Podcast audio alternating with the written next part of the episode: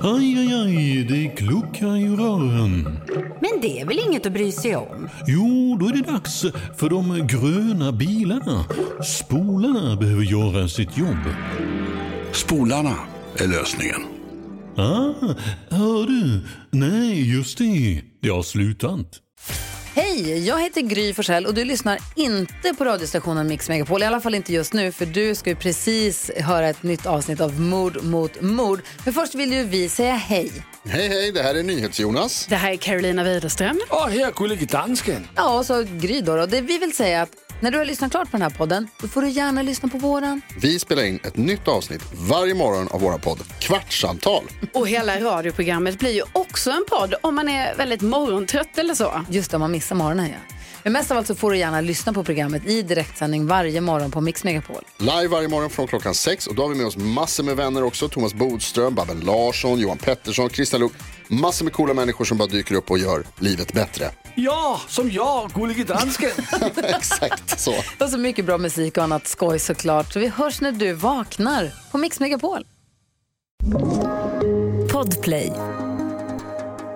Det är tidig morgon, eller kanske snarare det är liksom små timmarna. Det är, det är mitt i natten, men eh, morgon. Hur ska du ha det? Det är de första timmarna av den 9 november 2019 och det hörs rop från ån Mojka i Sankt Petersburg i Ryssland. Okej. En full man har trillat i vattnet. Det känns ryskt.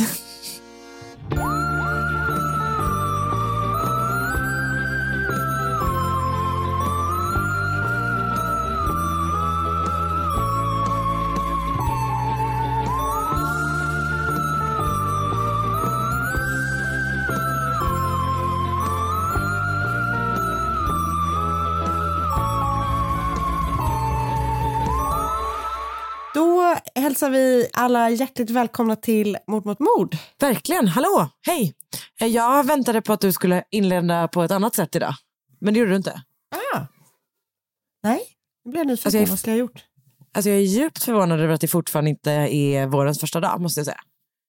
Ah, Okej, det är det ju verkligen. Ja. Jag tror att jag har varit så stressad här nu för att vi har hållit på med tekniskt strul i 40 minuter så att jag liksom eh, ville bara komma igång. Ja, jag förstår. Men det är Men klart ska att vi... vårens första dag. Ja! Oj, vad vi... Äntligen! Äntligen! Den satt fan Som alla långt in i väntat. år. Och som vi väntat. Ja, det satt sjukt långt in i år. Ja, men nu är den här. Och du Nu är ju den här. i eh, Skåne, så där tänker jag att våren har kommit, eh, kommit riktigt långt, Här eller? möter vi våren. Alltså ni är nästan i sommaren, tänker jag. Ja, nästan. Aha. Igår, jag som alltid fryser, tog jag av mig plagg efter plagg. Va, helt naken. Sen satte jag i och för sig på mig, sen satte jag i och för sig på mig en jacka efter en kvart igen. Helt naken med jacka. Exakt. Det var underbart.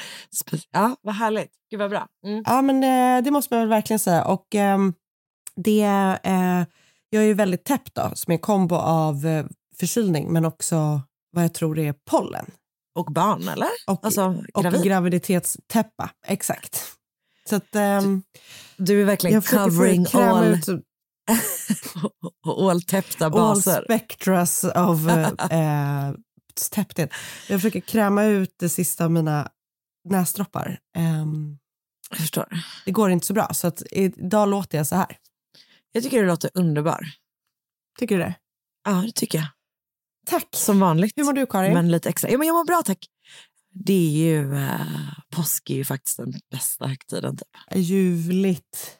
Alltså, ljuvligt. Fick du något påskägg? Ja, absolut. Vad fick du det då? Eh, nej, alltså godis och sånt. Ah. Ah, nej, just det, du har den här eh, lite mer påskiga presentsituationen, eller hur?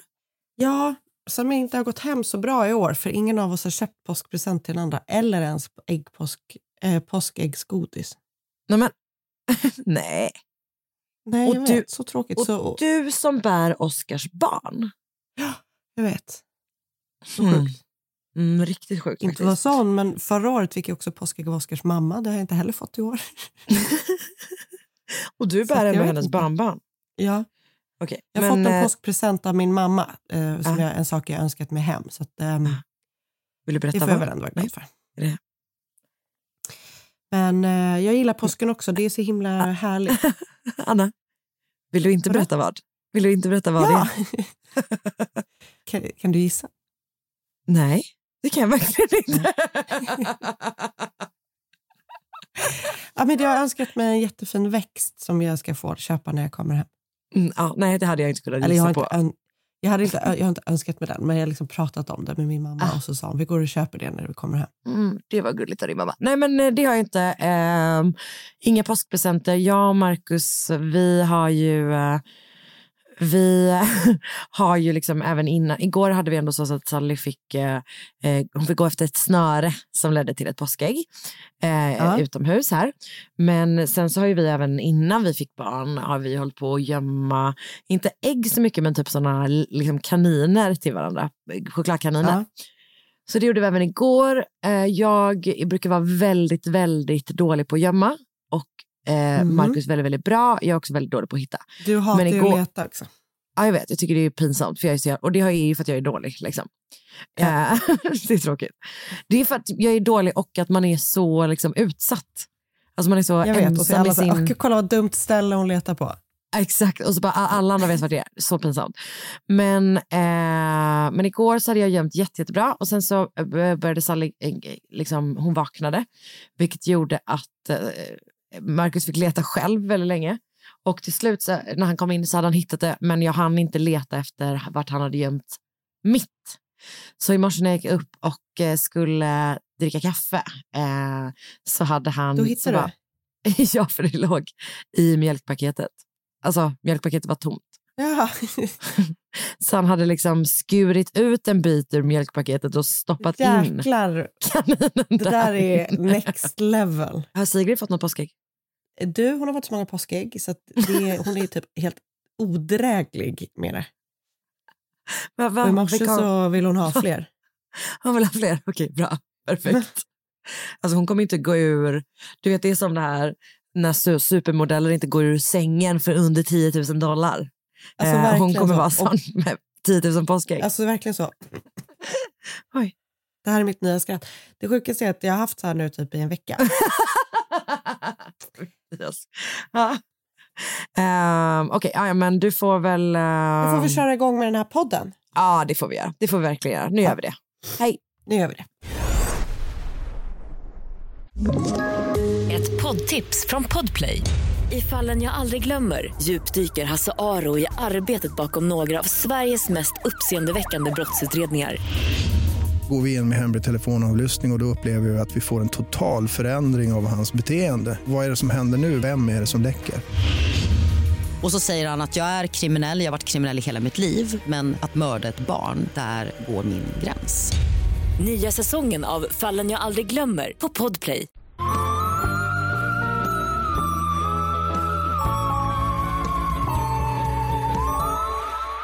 Tänk dig att du på ålderns höst efter pensionen blir erbjuden ett jobb där du under fyra till fem månader ska bo i en stuga och hålla utkik efter eh, skogsbränder eller naturbränder eller andra extrema väderfenomen.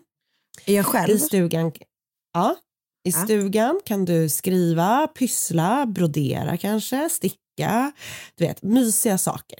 Och sen så Mm. rapporterar du in om du sett eller inte sett någonting. Tre gånger om dagen till din uppdragsgivare. Mhm. Tycker du? Du gillar det eller inte? Nej, jag tycker det låter jättehärligt men jag vänder mig mot det här förslaget att jag skulle pyssla dock. Utan jag kan tänka mig att läsa, skriva och typ gå promenader och eh, dricka vin. Går det Ja. bra? Det går bra. Då säger vi så. Jag åker dit, jag tar Eh. det. Tackar, tackar jag. Bra. Precis så här hade den 70 år gamla Stephanie Stewart det. Hon hade bott hela sitt liv i Alberta i Kanada och eh, hon hade haft, eh, som jag tänker typ att alla kanadensare har, eh, en väldigt nära relation till naturen. Naturen. Jag tänker att, jag tänker att de är Så liksom sant. Nordamerikas eh, norrmän. Ja, absolut. De är, de är liksom, vad är, alltså de har så eh, nära till att åka till hytten liksom. Exakt, precis.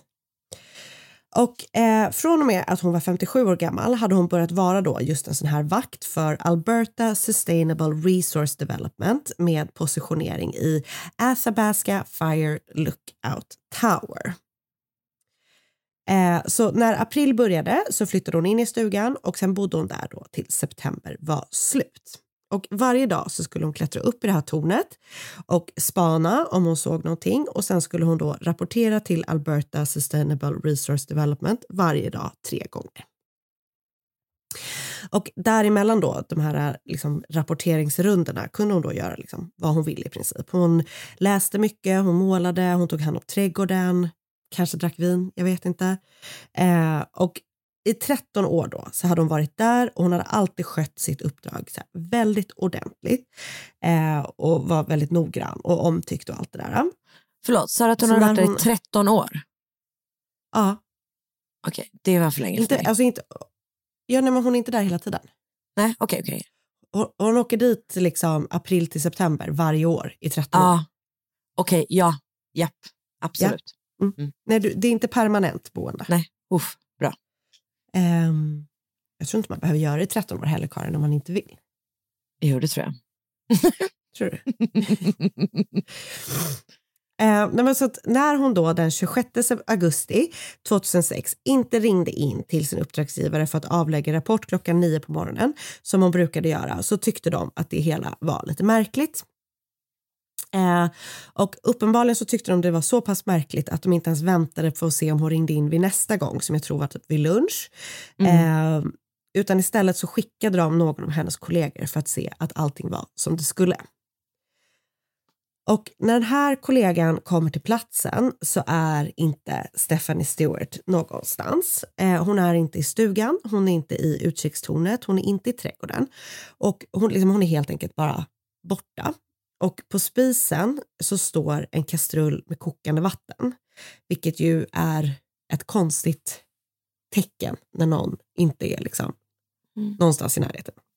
Så utöver den här äh, kastrullen då så finns det blodspår på trappen utanför huset. Kollegan som skickats dit för att kolla läget återrapporterar till då Alberta Sustainable Resource Development och eh, berättar då att eh, Stefan inte är där. Så snart är sökandet efter henne igång. Och eh, utöver då kastrullen och blodet på trappan så kan man konstatera att Stefanis bil står kvar på uppfarten. Eh, man kan konstatera att det saknas två kuddar från antingen soffan eller sängen samt två filtar. Eh, även Stefanis guldklocka är borta. Mm. När polisen pratar med folk i Stefanis närhet så kan de konstatera, att sist någon hörde något från Stephanie var kvällen innan hon försvann då hon hade pratat med några eh, familjemedlemmar i telefon vid nio på kvällen ungefär. Så en jättestor skallgångskedja kickar igång och massvis av människor med hundar eh, går i skogen liksom där omkring. Även helikoptrar med sådana värmesökande kameror söker igenom då ett område som är så stort som sju kvadratkilometer, vilket låter väldigt stort. Mm. Eh, men man hittar varken Stephanie eller några spår som kan säga vad Stephanie har tagit vägen. Så kort och gott kan man säga att hon var spårlöst försvunnen. Och som alltid när en person i princip går upp i rök så kommer det både en och två och tre teorier om vad som har hänt med den här personen. Så jag tänkte gå igenom de teorierna här. Ja. Nummer ett. Låt oss börja med den slutsats som man själv troligtvis hade dragit först, eller drog först. Nämligen att Stephanie har gått vilse och att hon har råkat ut för en olycka längs vägen. Att någonting har hänt längs vägen. Den här olyckan eller händelsen kan vara olika saker. Hon kan ha råkat gå i sjö kanske. Och eh, typ helt enkelt avlidit av någonting som har hänt. Alltså det kan ha hänt vad som helst tänker jag ut i skogen. Ah. Jag som är rädd för skogen också. En annan liksom, delvariant på den här teorin är att Stephanie har gått vilse och väl vilse då så har hon stött på ett djur som har attackerat henne. Björn, lodjur, you name it. Säg en till. Bobcat. Bra. Nej, det är lodjur. Det är lodjur, just det. Eller? Varg? Mountain lion. Mountain lion. Mountain lion blir det. Mm, bra. Mm-mm. Jag vet inte om lodjur, jag vet inte om de är aggressiva. De känns väldigt Eh, tillbakadragna. Eller hur? Men kanske att Ja, om man pressar inte. dem. Men, Nej, nej, vi vet inte. Hej. nej. men då, eh, under den här otroligt omfattande eftersökningen efter Stephanie, som är liksom den största i området som har utförts någonsin. Alltså den mest täckande eh, skallgången, eller vad man ska säga, någonsin. Så hittar man inga spår efter varken Stephanie då, eller att hon ska blivit utsatt för en djurattack. Det finns liksom inga spår efter henne på, he- på hela den här ytan. Eh, så att den här teorin kan man troligtvis avfärda. Teori nummer två. Att Stephanie lämnade av egen fri vilja för att rymma och starta sig ett nytt liv någon annanstans. Trots att allt då talade emot den här teorin eh, så dök den såklart upp. Det fanns ingenting som talade för att hon skulle lämnat och startat ett nytt liv. Vet, hon är 70 år, hon trivdes väldigt bra med det här uppdraget som brandspanare. Hon hade en familj som hon var väldigt nära. Eh, alltså, vet, allting var bra. Hade också hon var en kastrull på spisen. Ja, nej det är skitskumt. Ja. Precis. Hennes bil stod kvar på uppfarten. Eh, och liksom, precis som du säger, det är inte så troligt att man lämnar huset för att aldrig komma tillbaka när det står en kokande kastrull på spisen. Nej. Inget av hennes kort eller bankkonton rördes heller efter att hon försvunnit. Så det känns ju bara som löjligt att det skulle varit så. Eller löjligt. En du- en- det känns inte som o, otrolig teori. Tack. Mycket bättre ord. Teori nummer tre, som verkar vara den som ändå är mest accepterad som liksom sann, eller vad man ska säga. Och det är att Stephanie har blivit mördad. Det faktum att det var blod på trappan är såklart en bidragande faktor till den här teorin, men också då att det saknades både kuddar och filtar från sängen kan då indikera att Stephanie antingen blivit mördad i sängen och att mördaren då för att göra sig av med spåren har tagit med sig dem, eller att mördaren har använt filtarna för att transportera bort Stephanies kropp från platsen. Polisen gick ut och sa att de hade hittat bevis i huset som pekade på att hon hade blivit mördad, men vad det var ville de inte berätta för att de sa att de ville skydda utredningen. Vilket är lite skumt. Eller liksom du vet så här. De säger bara, vi vet typ att det var så, men de kan inte säga någonting mera. Ja, dock så gick det då rykten om att det hade funnits så pass mycket blod i huset att det var liksom väldigt lätt att dra den här slutsatsen att hon har blivit mördad helt enkelt. Så det spreds då troligtvis genom den här kollegan som har vet, blivit ditskickad och sådär. Och om det fanns några andra liksom, uppenbara spår där inne på att hon har blivit mördad, det framgår inte. Men eh, det, det, de hittade liksom inga misstänkta eh, efter. Alltså, man, man, man tänk, de sa så här, vi tror att det, det är troligt att tro att hon har blivit mördad, men vi har ingen aning om vem som kan ha gjort det. Oj. Mm. Så under den här teorin då, att hon har blivit mördad, så finns det liksom också lite undergrenar, man ska säga. Där en gren är då att Stefan har blivit mördad av någon hon känner. Att den här personen då har vetat att hon har varit ensam i stugan och tagit sig dit för att avsluta hennes liv helt enkelt. Vem som skulle vara den skyldiga eller vad motivet som skulle vara bakom det, alltså att det var någon som kände henne, skulle vara oklart. Den andra undergrenen, eller om man vill kalla det, eh, är helt enkelt då att hon har blivit mördad av någon som har råkat ha vägarna förbi stugan eller utsiktsplatsen och att det helt enkelt var tillfälligheter som ledde till att hon mördades. Man kan, liksom, eller det har spekulerats i att det då var ett rånmord eftersom hennes guldklocka faktiskt var borta. Även om man kan tycka att det typ var ett skralt byte. Eh, så jag tror inte det fanns så mycket annat att stjäla i den här stugan. Mm. Det var väldigt så enkelt utrustad eh, skogsstuga helt enkelt. Det har funnits en person som har figurerat bland liksom vissa som en potentiell misstänkt. Det verkar vara väldigt löst baserat på olika eh, lösa omständigheter. Och han åkte fast 2010 och sitter numera i fängelse på livstid för mordet på ett äldre par som heter Lyle eh, och Marie McCann. De var 78 och 77 år gamla vid tillfället som de mördades. De hade åkt med sin husbil för att kampa i Edmonton som ligger ungefär tre timmar från där Stephanies eh, utkiksplats låg. Där hade då den här Travis rånat Marie och Lyle och efter att han hade mördat, äh, rånat dem så hade han mördat dem och eh, tänt eld på deras husbil för att göra sig av med spår helt enkelt. Han åkte fast och sitter då som sagt i fängelse på livstid för mordet och eh, det är trots att han fortfarande nekar till att han hade någonting med mordet på Lyle och Marie att göra. Men han blev ju då misstänkt för mordet på Stephanie eh, för att det fanns vissa likheter. Hon var också en äldre kvinna. Hennes klocka var borta vilket då kunde indikera att hon blivit mördad och sen stod det då en eh, kokande kastrull på pannan som eventuellt hade kunnat leda till att huset brann upp om det Just hade kokat det. torrt. Så lite så. Och så är det ganska nära i området och sådär. Jag vet inte. Ganska löst.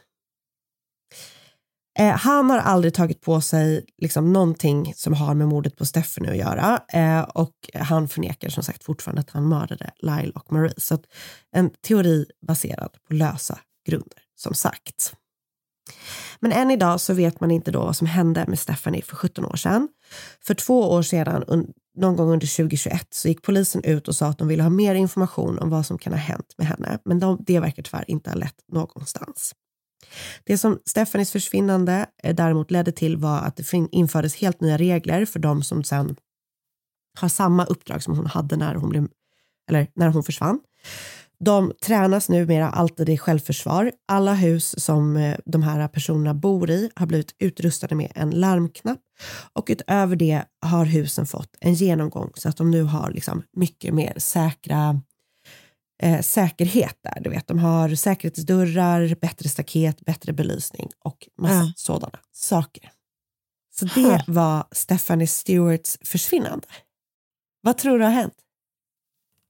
Men så frustrerande eller? Jag tror absolut inte hon har försvunnit av egen fri vilja. Det tycker inte jag det låter som. Nej. Jag, jag har väldigt svårt att se att en person som typ har ägnat 13 år eh, åt att se till att det inte brinner i en skog skulle vara så här, nu sätter jag den här kastrullen på spisen och går härifrån.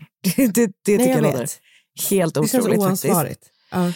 Verkligen. Eh, det är väl absolut möjligt att hon har blivit typ attackerad av ett djur eller? Å andra sidan känns det som att så här, ett djur hade inte, då hade, om det var blod, det här med blod Men på trappen och sådär. varför fanns inga spår? Nej, exakt det jag menar. Det hade varit liksom messier, eller vad man ska säga.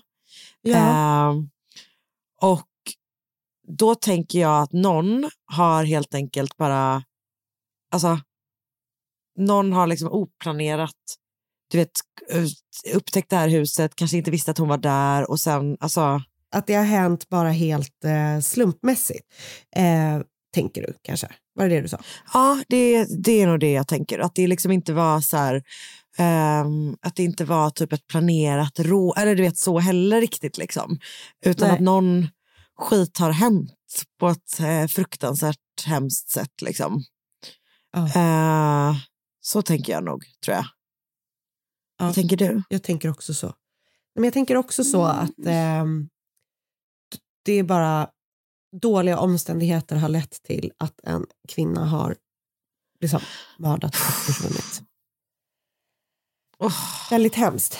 Ja, så måste vara så chockartat, typ, för det känns som en så här ändå ofarlig grej. Alltså, du vet, så här, jag hade ju varit det... livrädd, jag hade ju aldrig velat göra det där. Men, jag. Ehm, vet, fast man är medveten om att typ den rädslan är irrationell. Eller förstår du vad jag menar? Att man är ja, så här, det absolut. som är farligt är ju att vara i en, alltså du vet sådär. Um, ja, man är ju mörkrädd i skogen men man vet med sig, eh, om man bara tänker liksom rationellt så tänker man så här, fast det är ingen här så det kommer vara lugnt typ. Och sen så blir det som en så jävla skräckfilmsstämning typ. Usch vad hemskt. Ja, Ja, verkligen. Eh, jag har läst flera artiklar på The Edmonton Journal. Sen har jag läst Elderly Wildfire Spotter Vanishes from her remote cabin by, eh, av Cat Lee på eh, True Crime by Cat Lee på medium.com.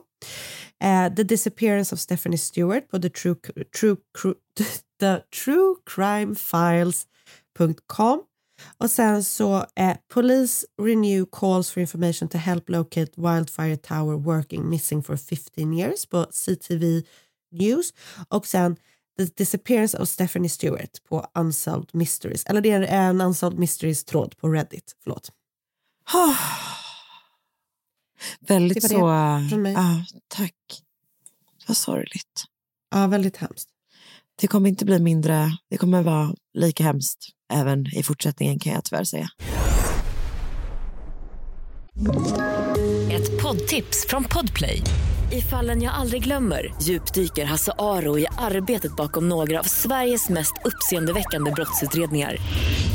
Går vi in med hemlig telefonavlyssning och, och då upplever vi att vi får en total förändring av hans beteende. Vad är det som händer nu? Vem är det som läcker? Och så säger han att jag är kriminell, jag har varit kriminell i hela mitt liv men att mörda ett barn, där går min gräns. Nya säsongen av Fallen jag aldrig glömmer på Podplay.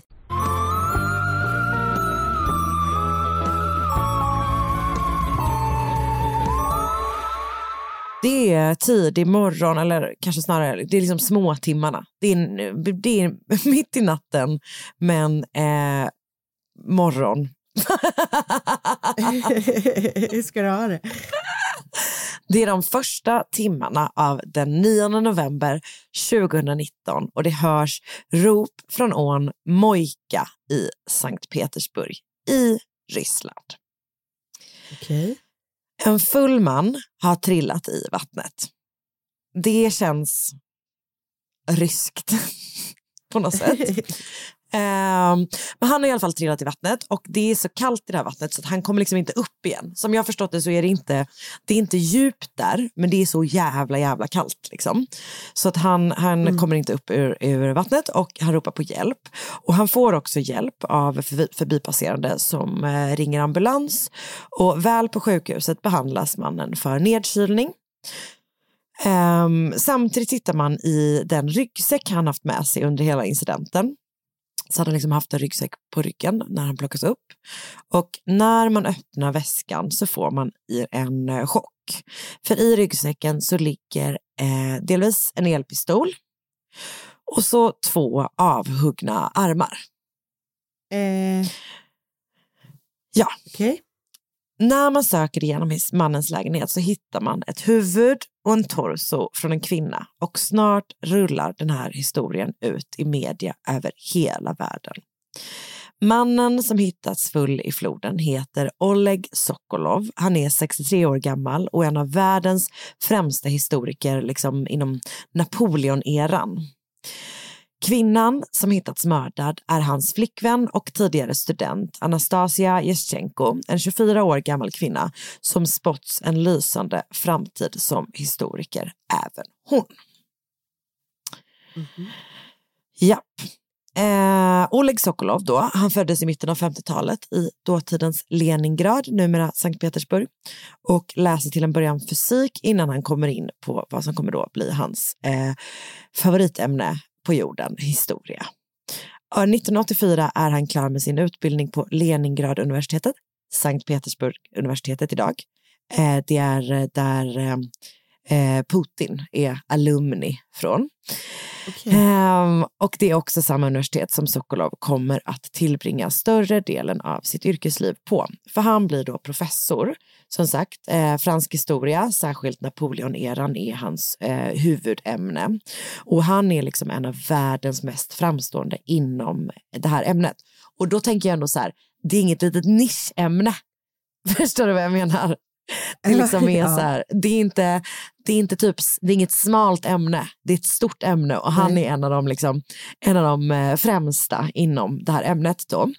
Ehm, och han är så bra att han då, som ju inte är fransman, än trots det eh, vid flera tillfällen är gästföreläsare på Sorbonne i Paris. Och 2003 delar dåvarande presidenten Jacques Chirac ut franska hederslegionen till Oleg Sokolov för hans arbete med att liksom kartlägga och berätta om den här delen av den franska historien. Mhm. Han är en lysande, entusiastisk och entusiasmerande föreläsare. Han kan när som helst, liksom, alltså, han kan verkligen både Napoleon och typ hans folk runt Napoleon som alltså at the back of his hand. Alltså han kan verkligen dem utan och innan typ. Så han kan liksom när som helst bryta ut typ en liten imitation av Napoleon eller andra människor runt honom och typ börja så gorma på franska eller du vet agera ut någon del av historien. Alltså han är liksom, han är verkligen i det om du förstår. Fattar. han är också nära på typ ett uppslagsverk om den här tiden han föreläser om. Det han inte vet är liksom inte värt att veta. Typ så. Hans intresse för historia i allmänhet och fransk krigshistoria och i synnerhet Napoleon då är liksom så här, det spiller över eh, även på hans fritid. Han ägnar sig åt någonting som känns superstort i USA men kanske inte lika stort i Europa. Källa min feeling. Alltså, han håller Ja. på med så här, du vet, historiska rekonstruktioner. Jaha, sådana där, eh, just det. Man, men det, är som, det är som live liksom. Att man lajvar Ja. något slag som ska, och så ska det vara så som det var. Typ. Känns väldigt stort i USA med amerikanska inbördeskriget. ja, med min, eh, inbördeskriget, exakt. Exakt, precis. också. Ja. precis. Men han håller då på med det här i Europa och eh, han eh, grundar då redan 1976, alltså det är riktigt tidigt, eh, liksom Sovjettiden, eh, så grundar han en förening som rekonstruerar eh, Napoleonhistoria. Och han kommer också då att bli en av Europas mest framstående inom det här intre- intresset. Liksom. Och eh, han blir också den som leder så här, den ryska organisationen för historiska rekonstruktioner. Typ. Eh, så han är verkligen i det. Alltså det här är hans jobb, Ja. det är hans liv, det är hans intresse, det är allt för honom. Och eh, om du då får gissa vem du tror att Oleg Sokolov oftast spelar i de här liksom, sammanhangen, vem skulle du då tro att han är? Eh, jag gissar på Napoleon, eller? Ja, han är alltid Napoleon. Alltså det finns så Är himla, himla många bilder. Eh, oh, bra fråga. Jag vet faktiskt inte. Jag ska kolla om jag kan se en bild på honom hur kort han ser ut. eh, men det finns, liksom- det finns väldigt många bilder på när han ehm, Alltså du vet så, har på sig en sån hatt, liksom. kanske typ Ja. rider på en häst. Typ. Jag ska säga att så här, eh, han ser ju inte lång ut, men jag vet inte om han är så kort som Napoleon. Nej, Svårt nej. att avgöra för mig. Ehm, men han är, ingen, han är ingen superlångis, det är han absolut inte. Um, men han, han spelar då som sagt Napoleon. Han sitter på någon häst, han har på sig en sån hatt eh, och han är delvis, alltså han är liksom till viss del uppskattad i de här kretsarna för att han då kan så mycket och är så himla engagerad. Men han har ju också då lämpligt nog storhetsvansinne och vill eh, liksom kontrollera allting. Och, eh, så han har väl något slags, som sagt jag vet inte hur kort han var men det känns ändå som att han lider av något slags Napoleonkomplex. Typ. Han har åtminstone någon slags uppblåst självbild och det gör att han inte alltid kommer så bra överens med sina historiekollegor. Det man får komma ihåg är ju att alla som är där är väl superintresserade och säkert också kunniga i den här delen av historien. Typ. Ehm, så att han hamnar i bråk ibland med folk inom det här communityt och under flera års tid så är han portad från ett av de första liksom sla- eh, ett, ett av de största slagfältsliven i Ryssland. Alltså typ i fem år så får han inte komma dit. Typ, för att han har typ hamnat i bråk och det har nästan blivit slagsmål. Ehm, och han är inte bara då argsint och liksom högfärdig, han är också, alltså han har alkoholproblem. Han är ofta liksom packad när, han, när de håller på med det här. Ehm, som sagt, full var han ju då också när han hittades i floden den 9 november och eh, man kan då snart konstatera att det verkar som att han har mördat sin flickvän och hon heter då som sagt Anastasia Jeschenko. Hon är drygt 40 år yngre än honom, kommer från Krasnodar i södra Ryssland där hon har vuxit upp med sin mamma Galina som eh, jobbade, eller vad vet jag, kanske också jobbar på in, inrikesministeriet. Alltså hon, är någon slags, hon har någon slags polis eller militärbakgrund typ. Ehm, Okej. hennes pappa heter också Oleg och han var lärare och så eh, har hon en bror som heter Sergej och i familjen så kallas hon för Nastja. Hon var en snäll, ordentlig, lugn och lite tillbakadragen person. Hon var extremt högpresterande, alltså väldigt så supersmart och väldigt, väldigt lovande, väldigt duktig på sina studier och flyttade då alltså från Krasnodar till Sankt Petersburg för att studera historia. Och när, det här liksom, när den här historien händer där 2019 så är hon doktorand och har skrivit flera vetenskapliga artiklar, börjat föreläsa och typ varit med på internationella konferenser och sådär. Hon är ju då 20-åring. Ja, hon är 23. Hon är 24, Eh, 24, men- 24 är hon. Ja, nej men exakt.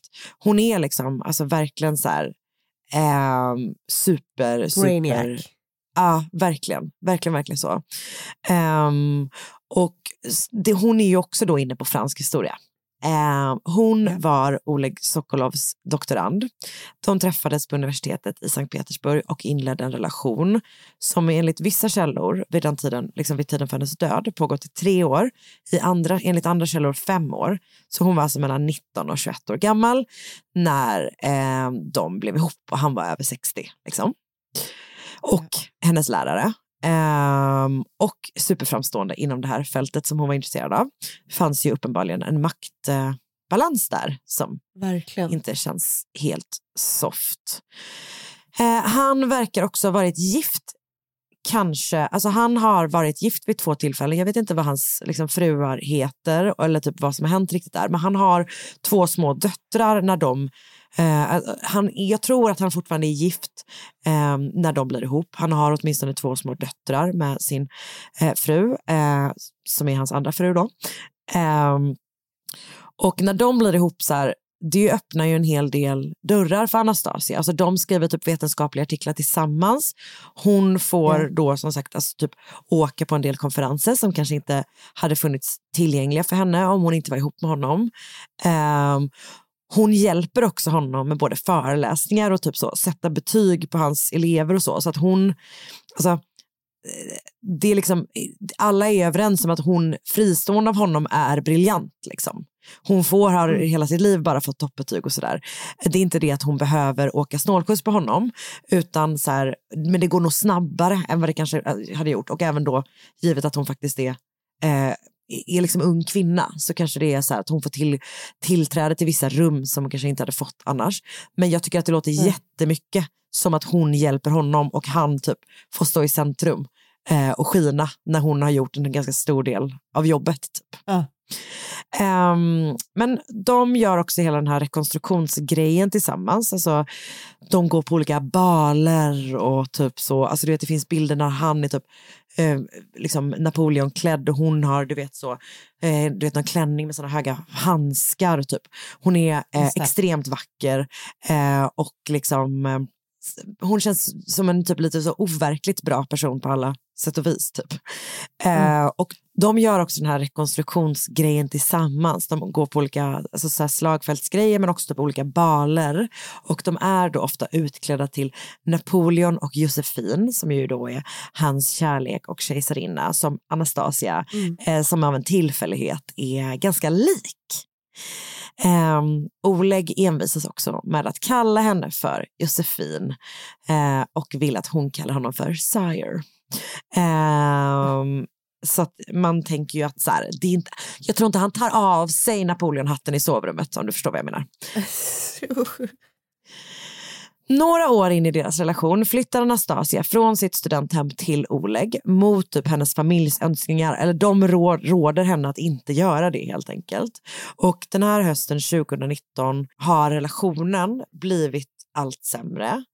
Och Anastasia berättar för sin familj då att Oleg är svartsjuk, han är kontrollerande och eh, har då alkoholproblem. Hon börjar bli allt mer inställd på att avsluta relationen och flyttar under någon period från lägenheten som ligger precis vid Mojka som är då hans lägenhet. Eh, men sen flyttar hon tillbaka igen och det går lite sådär fram och tillbaka. Um, men den 7 november 2019 så ringer Anastasia till sin bror Sergej och berättar att Oleg blivit rasande för att hon bjudits på en födelsedagsfest. Han vill inte att hon ska gå, men hon vill gå. Liksom. Och hon berättar då för sin bror att Oleg har slagit henne och att hon tänker sova någon annanstans eh, den natten. Men senare samma dag ringer hon tillbaka och så här, allt är lugnt igen typ. Eh, du behöver inte oroa dig, han har lugnat sig, allting är bra typ. Och det är då det sista någon hör från henne. När Oleg konfronteras med uppgifterna om att man hittat Anastasias kroppsdelar i ryggsäcken och i hans lägenhet och att man dessutom har övervakningsfilmer där han slänger sopsäckar i kanaler, sopsäckar som visar sig innehålla fler kroppsdelar, erkänner han vad som har hänt. Han säger att han har skjutit Anastasia under ett stort bråk och det här var då på torsdagskvällen, vilket var då 7 november. Han berättar att han dagen efter haft gäster hemma på kvällen medan hennes kropp låg i ett stängt rum. Efter att den festen var slut har han styckat kroppen och börjat göra sig av med kroppsdelarna och sen då trillat i floden eftersom han var packad. Liksom. Han mm. säger att hans plan, alltså efter att han hade gjort det här, var hans plan att utklädd till Napoleon begå självmord i, på Peter Pauls fästningen i Sankt Petersburg. Okay. Vilket ju också går så himla, eller man bara, vad, du ska göra, göra det av med kroppsdelar, ja sådär, men ja. Mm. Han säger att upprinnelsen till mordet var att han sagt till Anastasia att han ville vara med sina två döttrar under helgen och att det hade gjort henne rasande. Han säger att hon var så himla svartsjuk på hans döttrar och att hon i, under den här tiden då hade börjat kritisera dem och typ hade gjort så här, ja, sagt taskiga saker om hans barn typ, och det hade gjort honom arg och det hade gjort att bråket eskalerade och sen hade hon attackerat honom med kniv.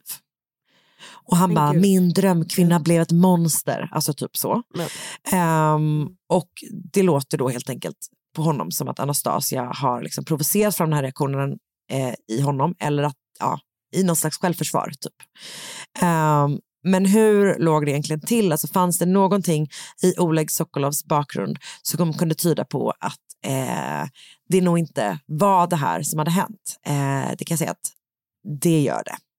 För Anastasia var då hans elev och när man pratade med andra som var eller hade varit hans elever berättade de att han var absolut en otrolig föreläsare, alltså så superkarismatisk, men han var också explosiv, argsint och lättkränkt. Ehm, det finns alltså så många historier. Han har anmälts till universitetet så många gånger och de har aldrig gjort någonting. Liksom. Eh, ett tillfälle som var särskilt illa var när en elev under en föreläsning eller liksom under en lektion frågade honom om att en annan historiker anklagat Oleg för plagiat.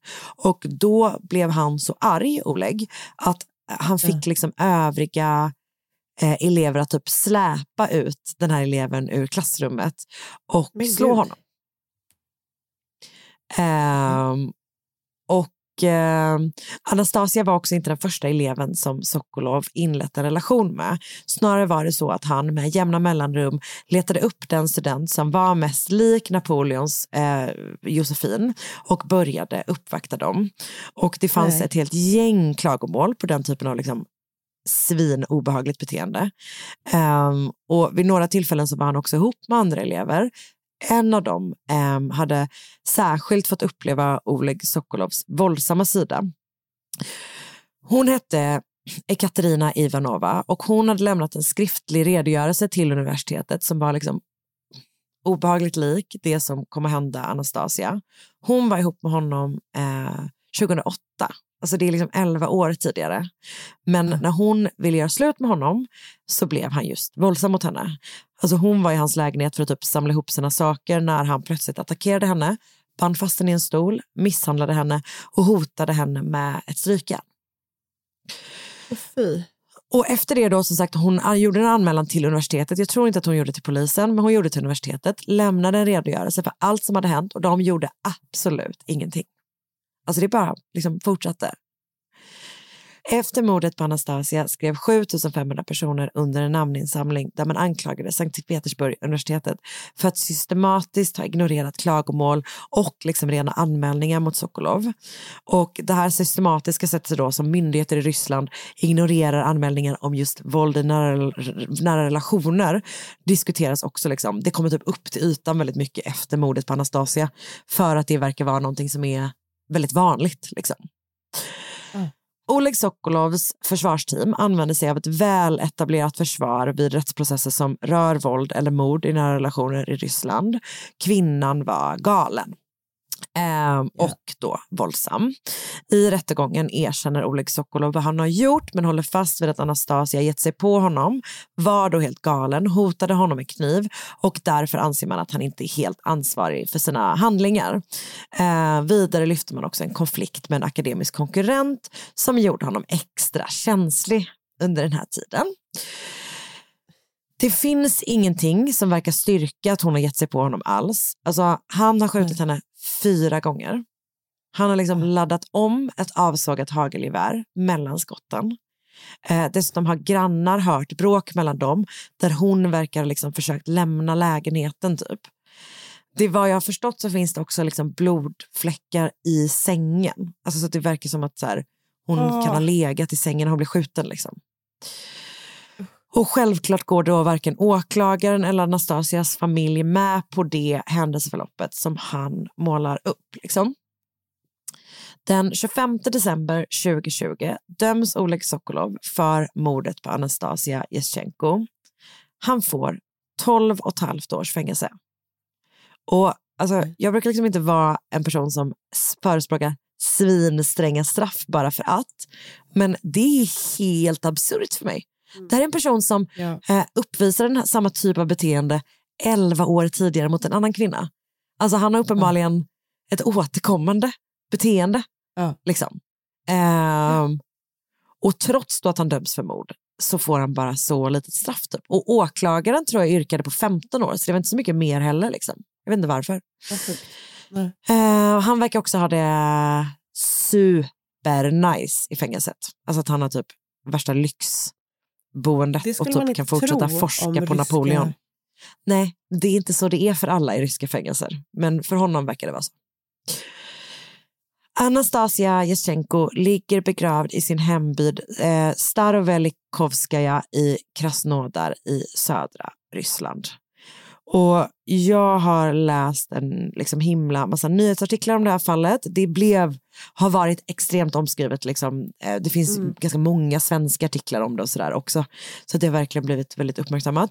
Ehm, Jag har läst två artiklar från BBC, en från The Guardian, en bra längre artikel av Will Englund publicerad på Washington Post, en från nyhetssajten medusa.io som handlar om en dokumentär som gjorts om fallet, även om det som hände Ekaterina Ivanova. Dokumentären heter, eh, åtminstone då på engelska, Invitation to the Ball, Victims of the Russian Napoleon. Eh, artikeln är skriven av Alexej Jablokov. Jag har också läst en väldigt bra DN-artikel av Anna-Lena, Anna-Lena Laurén med rubriken 24-årig toppstudent mördades av sin egen handledare. Eh, och sen har jag också läst på eh, Wikipedia. Det var mordet på Anastasia Jeschenko. Jävla Hemskt. as. Alltså. Mm. Ehm, men du, det var väl det vi hade den här veckan, Tack, eller hur? Karin. Det var det vi hade den här veckan, ja. Och så hörs Mm. vi igen nästa vecka. Det gör vi verkligen. Ta hand om er tills dess. Och Anna, även du får ta hand om dig Du tills med. dess. Hej då! Adios! Podplay. Ett poddtips från Podplay. I fallen jag aldrig glömmer djupdyker Hasse Aro i arbetet bakom några av Sveriges mest uppseendeväckande brottsutredningar. Går vi in med hemlig telefonavlyssning och, och då upplever vi att vi får en total förändring av hans beteende. Vad är det som händer nu? Vem är det som läcker? Och så säger han att jag är kriminell, jag har varit kriminell i hela mitt liv men att mörda ett barn, där går min gräns. Nya säsongen av Fallen jag aldrig glömmer på Podplay.